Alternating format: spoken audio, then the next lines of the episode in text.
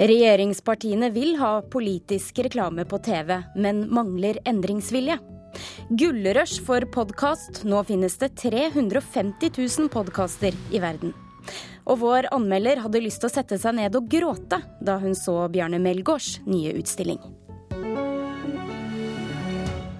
Dette er Kulturnytt tirsdag 28. mars. Jeg heter Stine Tråholt. Velkommen. Politisk reklame er fullt lovlig på kanaler som Facebook, YouTube og VGTV. Men på vanlig lineær TV er det fortsatt forbudt. Og selv om det er flertall for å fjerne forbudet mot politisk TV-reklame, så har ikke saken blitt fremmet i Stortinget. Ingen som kan si at eh, politikk er kjedelig når man ser på dette. Og det er jo sånn at Politikk betyr noe for alle i hverdagen. Det betyr noe for de tingene du er mest opptatt av. Høyres statsminister Erna Solberg framfører sitt budskap i en politisk reklame. Det har hun full rett til å gjøre på medieplattformer som Facebook, YouTube, VGTV og TV 2 Sumo. Magnus Hoem Iversen, som er doktorgradsstipendiat ved Universitetet i Bergen, sa før helga til NRK at denne valgkampen vil by på noe nytt. Vi kommer til å se mye mer politisk reklamefilm på nett enn det vi har tidligere. Men på vanlige TV-kanaler er det fortsatt forbudt med politisk reklame. Det klinger dårlig i ørene for Høyre. Forbud mot uh, politisk reklame på lineær TV, altså den, den TV-en vi er vant til som, eh, som TV 2 eller andre kanaler, det er utdatert og det er gammeldags. Det sier Kårstein Løvaas, som representerer Høyre i Stortingets familie- og kulturkomité. Også Fremskrittspartiets Ib Thomsen vil ha fjerna forbudet. Nei, Det viser jo at vi har noen lover i Norge som henger etter, og, og som vi kan kalle gammeldagse når man kan omgås regelverket ved å annonsere på andre steder. Også Venstre vil fjerne forbudet mot politisk reklame på TV. Dermed er det flertall på Stortinget for det. Så hvorfor har ikke forbudet blitt fjerna? Nei, Det flertallet som du viser til nå, med Venstre, Høyre og Frp, det er litt ukjent for meg. Jeg trodde bare det var Høyre og Frp som var motstandere motstander av det forbudet. Så så Det er jo en gledelig nyhet. og Da er det jo ikke noe grunn for å, å vente med dette. her, og Da er det jo bare å kjøre på. så... Kårstein Løvaas i Høyre innrømmer at de rett og slett ikke har prioritert saken i regjeringen. Denne saken eh, er ikke en av de sakene som ble omhandlet eh, i regjeringsforhandlingene, og ei heller da er en del av regjeringsplattformen. så Det er nok grunnen til at regjeringen ikke har fremmet saken. Men eh, skulle den bli fremmet for, for Stortinget, så er jo som du sier både Frp og Høyre og eh, Venstre, i alle fall i sine partiprogrammer eh, i inneværende periode, for at dette skal fjernes. Så det har vel eh, rett og slett ikke vært Eh, prioritert. Arbeiderpartiet vil bevare forbudet, og kritisere regjeringen og dens samarbeidspartier for ikke å ha klart å gjøre noe i saken. Nei, Det er jo et eh, tema som eh, regjeringa har demonstrert manglende gjennomføringskraft på. Heldigvis. Jeg er jo glad for at de ikke har løfta en finger for å fremme sitt standpunkt. Men det er klart at det ser veldig rart ut at de snakker mye, både før valget for snart fire år siden og i løpet av stortingsperioden nå, men at de ikke har evna å gjort noe med det. Det tror jeg er eh, enten eh, manglende gjennomføringskraft, eller at de har innsett at eh, det er neppe et fornuftig spor å bidra til at norsk politikk går i amerikansk retning. Det var det Arbeiderpartiets Arild Grande som til slutt sa her. Reporter i dette innslaget Oddvin Aune. Forsker ved Institutt for samfunnsforskning, Rune Karlsen, velkommen. Takk. Du har tidligere jobbet med valg og sosiale medier, og i det kommende stortingsvalget så skal du undersøke hvordan folk bruker ulike kanaler. Hva mener du om det som blir sagt her, at forbudet mot eh, politisk TV-reklame er avleggs? Jeg er enig i at eh, sosiale medier, eller egentlig helt siden internett kom og ble mye brukt, så har eh, politisk, forbudet mot politisk reklame vært utfordret. Men det at folk ser en politisk reklame, det er på en måte eh, bare én del av forbudet. Eller en, del av, eh, en, en, annen hovedgrunn er jo at politisk reklame er veldig kostnadsdrivende. Så det betyr jo at, eh, at hvis det skulle bli lov å reklamere på TV 2, så ville partiene trenge mye mer penger for å gjøre det. Og det ville føre til at de partiene som har mye penger, ville få en stor fordel. Så det ville også føre til en slags urettferdighet. Samtidig som partiene vil trenge pengene fra, fra et sted. og da Eh, da vil det jo være interesser med mye penger som, som, vil, som vil, kunne gi partiene disse penger, eh, pengene. Men hvem kan politisk reklame ha særlig effekt på, da? Eh, alle politiske budskap har på en måte effekt på de som ikke er så sikre fra før. Uh, og en ting vi vet er jo at Unge, for eksempel, førstegangsvelgere, de er mye mer usikre på partivalget enn en, uh, eldre velgere. Um, og Det ser vi bl.a. ved at uh, de i mye større grad følger det som vi kaller valgvinden. De partiene som går litt fram med et valg, veldig, gjør det veldig bra av ungdom med, i, i første, førstegangsvelgerne.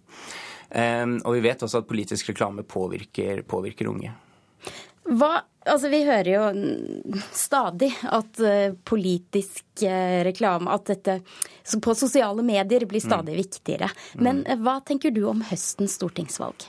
Nei, jeg tenker at altså På meg så virker det som at mens vi har hatt et par valg nå, der liksom det med mobilisering har vært i, vært i vinden, Eh, litt sånn som Obama brukte eh, i sosiale medier, at det var snakk om han driver bare med mobilisering. Det er ikke snakk om å vinne velgere, men det er snakk om å få mobilisert de velgerne man allerede har, eller de som antageligvis hadde eller stemmer på dem. Da.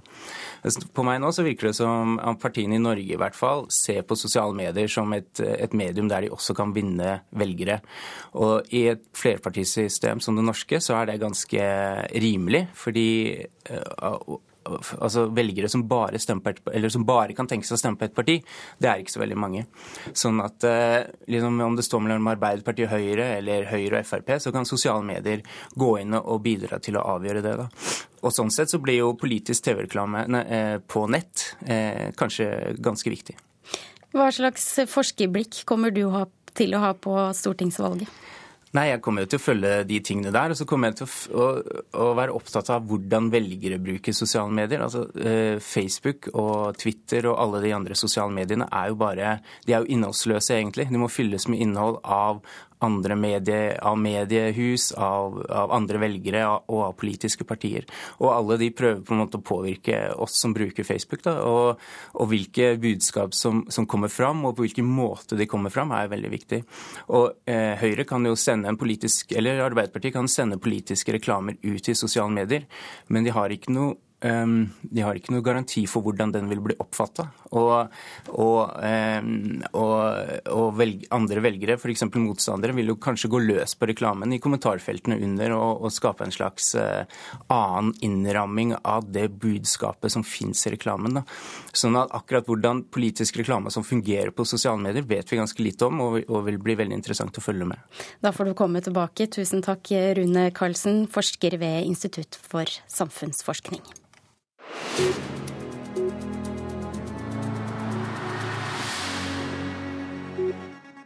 Og inn så har vår reporter Kirsti Folk Nilsen kommet i studio. Det er en viktig dag for TV 2 i dag. Hvorfor det, Kirsti? Det er det, for i dag så avlegger Stortingets kulturkomité sin innstilling til regjeringens forslag om kommersiell allmennkringkasting. Heng du med? Med. Med andre ord, hvilke krav regjeringa skal stille til en kommersiell, kommersiell allmennkringkaster, og hvor masse penger de skal få i året. Grunnen til at dette er så viktig for TV 2, det er at de er den eneste reelle søkeren, så i dag får de vite hva de eventuelt skal søke på. Eh, da regjeringa lyste ut denne avtalen i fjor, så var det ingen som søkte. Men kollega Mari Sandmalm hun snakka med TV 2-sjef Olav Sandnes i går kveld. Vi kan jo høre hva han har å si. Det vi vet, det er at, eh, at, eh, innstillingen fra regjeringen er et tak på 135 millioner. og Det vil innebære en smalere ramme for en allmennkringkasteravtale enn det TV 2 i utgangspunktet håpet på. Så Det som er viktig for TV 2 og vår vurdering når vi skal søke, er jo at de forpliktelsene som denne avtalen inneholder, vil stå i stil til eh, den rammen som nå er satt. Altså kan vi legge til at I Klassekampen i dag så sier Arbeiderpartiets Arild Grande at beløpet på inntil 138 millioner kroner i året det bør økes. Og fra TV 2 så hopper vi til New York, nærmere bestemt Wall Street. Ja, for der er det et midlertidig monument som er reist for å oppfordre til kvinnelige ansettelser på Wall Street. Statuen Den fryktløse jenta det er ei jente som står i vinden framfor den kjente oksestatuen som ble reist på Wall Street eh, etter børskrisa for 30 år siden. Jenta hun ble sett på som en utfordrer til denne oksen, og eh, ble satt opp på kvinnedagen tidligere denne måneden. Nå er det bestemt at den skal stå eh, et helt år, og ikke bare fram til i april, som egentlig var meninga. Tusen takk, reporter Kirsti Falk-Nielsen. Bjarne Melgaard er utskjelt og feiret, og i dag så regnes han nærmest som en levende legende i det norske kunstlivet. Hans ekspressive homoerotiske motiver, som ofte har sadistiske så vel som buleske innslag, har opp gjennom årene opprørt og rystet publikum. Og Melgaards verk har blitt vandalisert og flere ganger politianmeldt. Men nå så er han aktuell med en ny utstilling i galleriet Rod Bianco i Oslo. Kunstkritiker Mona Palle Bjerke, hva er det han viser denne gangen? Ja, eh, Det første man ser når man kommer inn eh, i det første store rommet, det er jo da at han har fått malt veggene skinnende knall rosa, eh, limegrønt og turkis. Det er veldig sånn kraftfullt, og da er det tegninger der. Og her har vi hele spennet da fra det erotiske til det humoristiske, og til tegninger preget av ømhet. Kanskje litt overraskende for noen, hvor han bl.a. har tegnet sin egen syke, gamle mor i rullestol. En liksom tynn, liten gammel kvinne, og hvor han selv gråter og sier 'When you go, I go', står det altså skrevet på. Det er ganske gripende, ganske sterke tegninger. Vil du fortsatt si at han holder en slags sjokkerende linje? Absolutt. Det er jo alltid sånn at eh, han veksler mellom Si, han skaper verk i brytningen mellom litt sånn ekstatisk energi og et veldig mørke. Eh, noe destruktivt og noe veldig eh, erotisk og noen eksesser. Så ja, han er seg selv lik. Og i dette her så har han også fått med seg en ny installasjon. En søppelfylling. Det må du forklare oss. Ja, Han har liksom fylt et rom, da skapt et slags utelandskap med torv og høyballer. Det ligger gamle bildekk der, noen gamle brusflasker. Og i dette landskapet så sitter og ligger veldig forseggjorte dukker av store barn eller små ungdommer, eh, kledd i hans egen miniatyrklær, hans egen kleskolleksjon, veldig sånne kule skate, sånn street-stil. Eh, og disse barna eller ungdommene de har liksom ikke noe kontakt med hverandre. De sitter med veldig sånne slørete blikk, så du føler at de kanskje er ruset eller bare rystet, sjokkert. Eh, de er liksom falt helt inn i seg selv.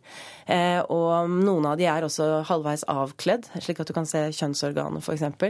Og det er et eh, ganske rått eh, og brutalt bilde av ødelagt barndom. Det er det som slår meg eh, i møte med denne installasjonen, hvor de på en måte Man får opplevelsen av kanskje at her det, er de kastet vekk etter et overgrep, eller ja, Så det er det du tenker at han vil fortelle med dette.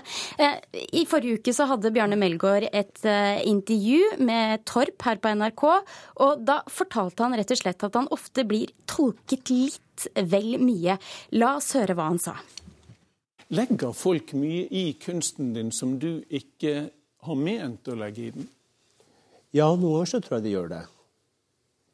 For min, uh, for min For eksempel hvis jeg tegner en tegning av en ku, da, ja. så er det en tegning av en ku for meg. ja. Og så legger jeg et ansikt over, så legger jeg et ansikt over. Det er ikke mer enn det. Og, da, og det blir opp til tilskueren å på en måte skape et innhold da, i det verket. Mm. Men har du opplevd at uh, morsomt med kuen. Har du opplevd at folk legger uh, noe som du aldri hadde tenkt på i et helt vanlig kuportrett? Ja.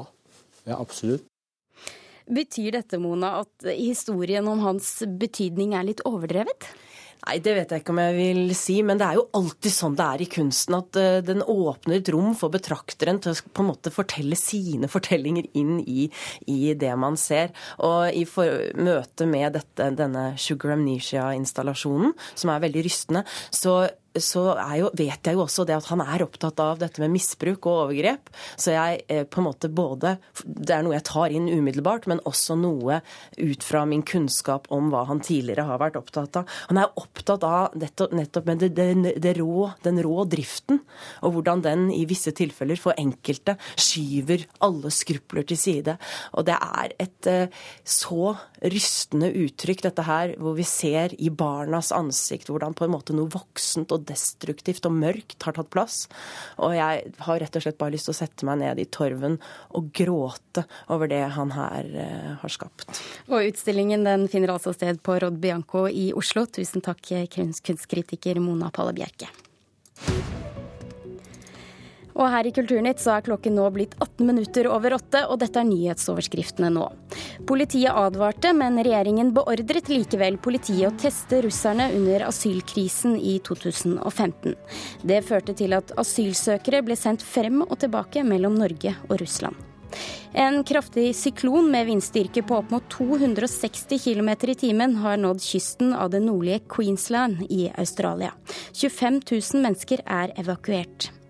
Én av fire ledere tør ikke si fra om kritikkverdige forhold på jobben, fordi de frykter konsekvensene.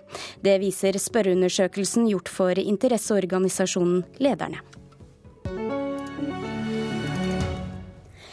Podkaster er blitt så populære også her i Norge. Og nå har NRK satt i gang sin egen satsing med nedlastbare lydprogrammer, og arrangerer i dag sin eh, første podkastdag.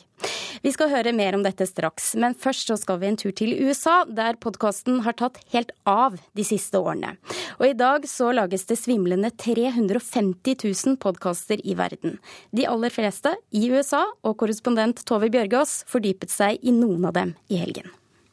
I'm Erline Woods. In 1999, I was convicted of being a getaway driver of an attempted second degree robbery.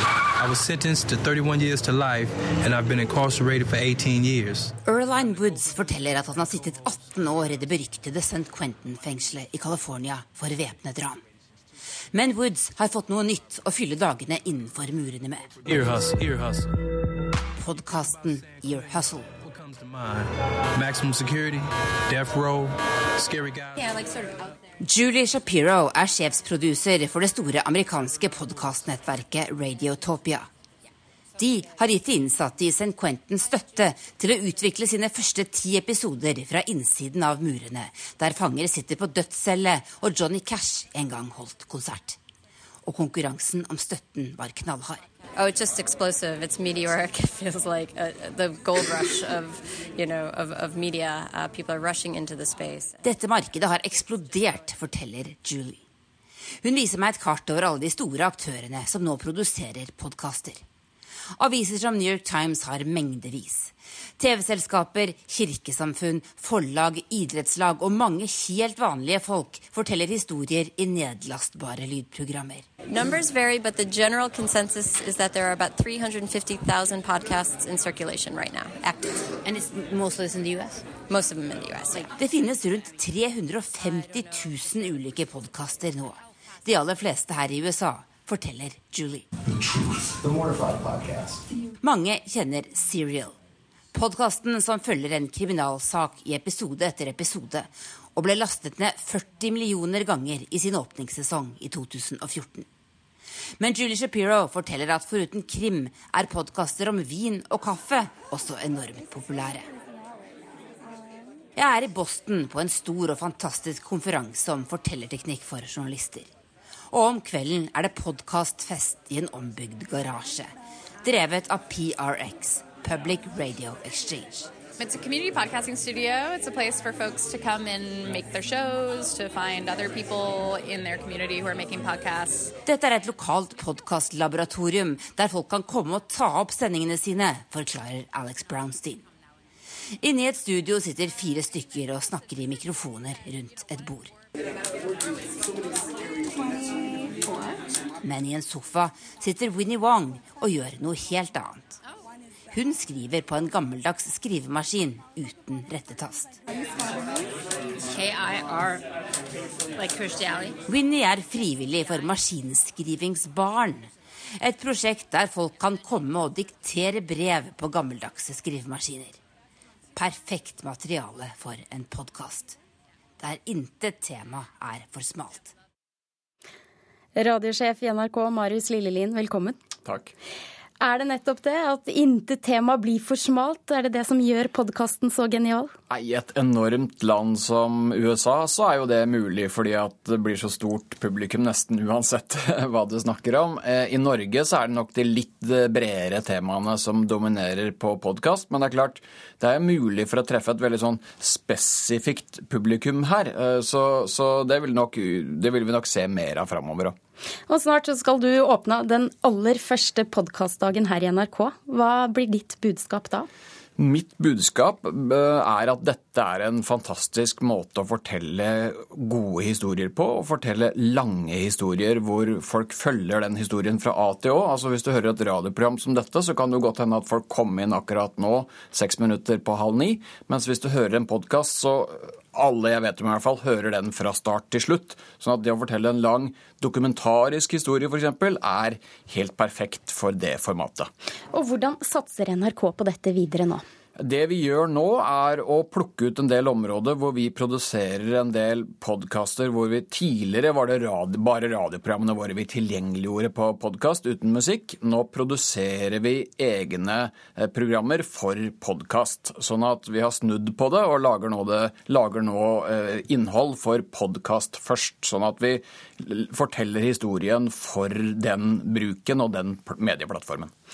NRK kan man si at man har vært litt seint på ballen her? Fordi det er jo andre produksjonsselskap som har drevet med dette en stund? Vi var jo veldig tidlig ute. Jeg satt og gravde litt i arkivet i går, og da fant jeg en gammel eh, sånn promofilm med Radioresepsjonen, hvor de snakket om at du kunne laste ned podkast til din MP3-spiller. Så det var jo faktisk før smarttelefonen ble oppfunnet, så, så vi var veldig tidlig ute. Men så Men så, det var vel mer et program, som du sier, ja, som man hadde klippet også, ut musikk og Det er helt riktig. Og så var vi, og så var vi så var vi litt sånn avventende en, en, eh, ganske lenge. Eh, og det var egentlig hele medieverden til podkast. Og så kom det en voldsom oppblomstring igjen for et par år siden. Og nå satser også vi i NRK veldig på det, fordi vi ser det er noe som er i vekst, og det er en veldig god plattform fra sånn publisistisk ståsted å fortelle gode og viktige historier. Ja, nettopp det. Hvordan ser den økonomiske fremtiden ut for podkast nå i Norge? Nei, Det har jo vært den store utfordringen for podkast i Norge. VG hadde jo f.eks. en kjempesuksess med serien Uløst for et par år siden, som de åpen, var helt åpne med at de sleit med å få spons på. Nå tror jeg det, i hvert fall kilder jeg har fra, den, fra produksjonsselskapene rundt omkring i, i, Norge, sier at det er i ferd med å løsne. Og det er ikke så overraskende, egentlig, for det er en lytteform som har veldig stor oppmerksomhet også blant lytteren. Du hører mye med hodetelefoner, f.eks., sånn at du får med deg budskapet veldig tydelig. Som radiosjef, kjenner du da en liten slags redsel for radioens fremtid? På ingen måte. Vi ser dette bare som en del av, av radioen. En, del, altså en, ny form for radio. En veldig god måte å fortelle det vi kan kalle langform eh, radio på. De lange historiene som krever oppmerksomhet fra A til Å. Tusen takk, radiosjef i NRK, Marius Lillelien. Da skal vi over til TV 2 og en ny Komiserie. Folkevalgt heter den. Der spiller Jon Brungot, en godslig ordfører fra Hitra, som plutselig får den politiske hverdagen sin snudd på hodet. Og dette er etter at alle de andre fylkespolitikerne som var foran ham på nominasjonslista, var involvert i en tragisk ulykke. Og et møte med en TV-reporter blir eh, skjebnesvangert. Den neste på den lista, det er deg? Ja, det, det, stemmer. det stemmer. Jeg står på lista, ja. Du er fjerde vara fra Sør-Trøndelag? Uh, ja. Uh, Fjerdeplassen nå. Akkurat ikke pallplass. Men uh, det, det, betyr jo at du skal på Stortinget, Roy? Ka, um, ja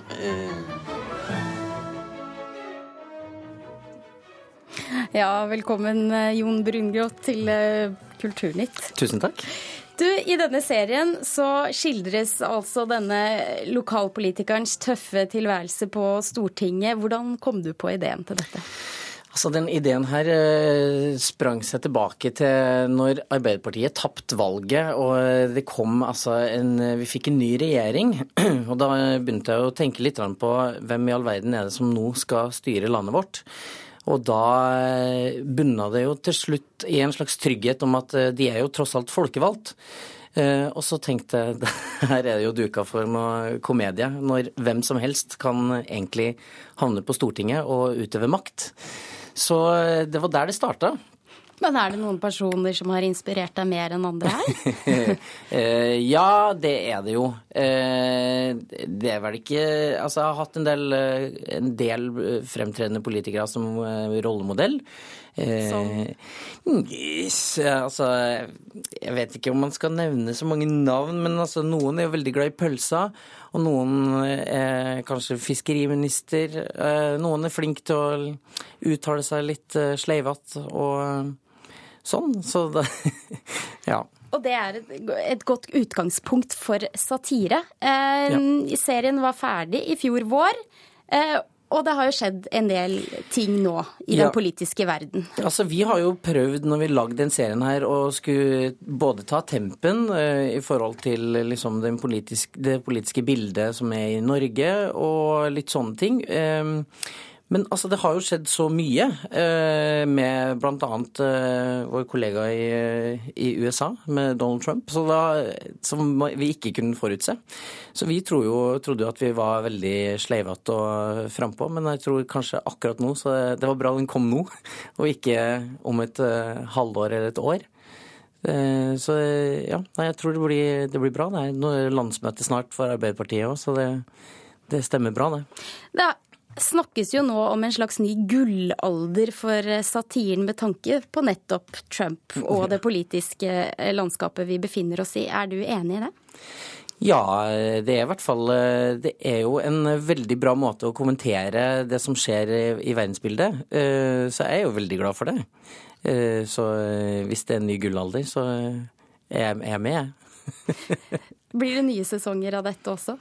Ja, det gjenstår å se. Vi får satse på at eh, folk skrur på TV-apparatet 2240 på TV2, eh, så får vi se. Men er du da klar for å ta enda hardere i? Er det det som må til nå med den utviklingen man ser? Altså, det skal ikke stå på meg. Hvis det er mulig å lage en sesong til, så skal jeg, skal jeg gjøre mitt for å trykke på. Og det sa også Jon, Jon Brungot, som er aktuell med serien Folkevalgt. Gjermund Jappé er eh, produsent i Kulturnytt i dag. Nå får du snart eh, Dagsnytt, og Nyhetsmorgen eh, den fortsetter fram til klokka er ni. Mitt navn er Stine Traalt.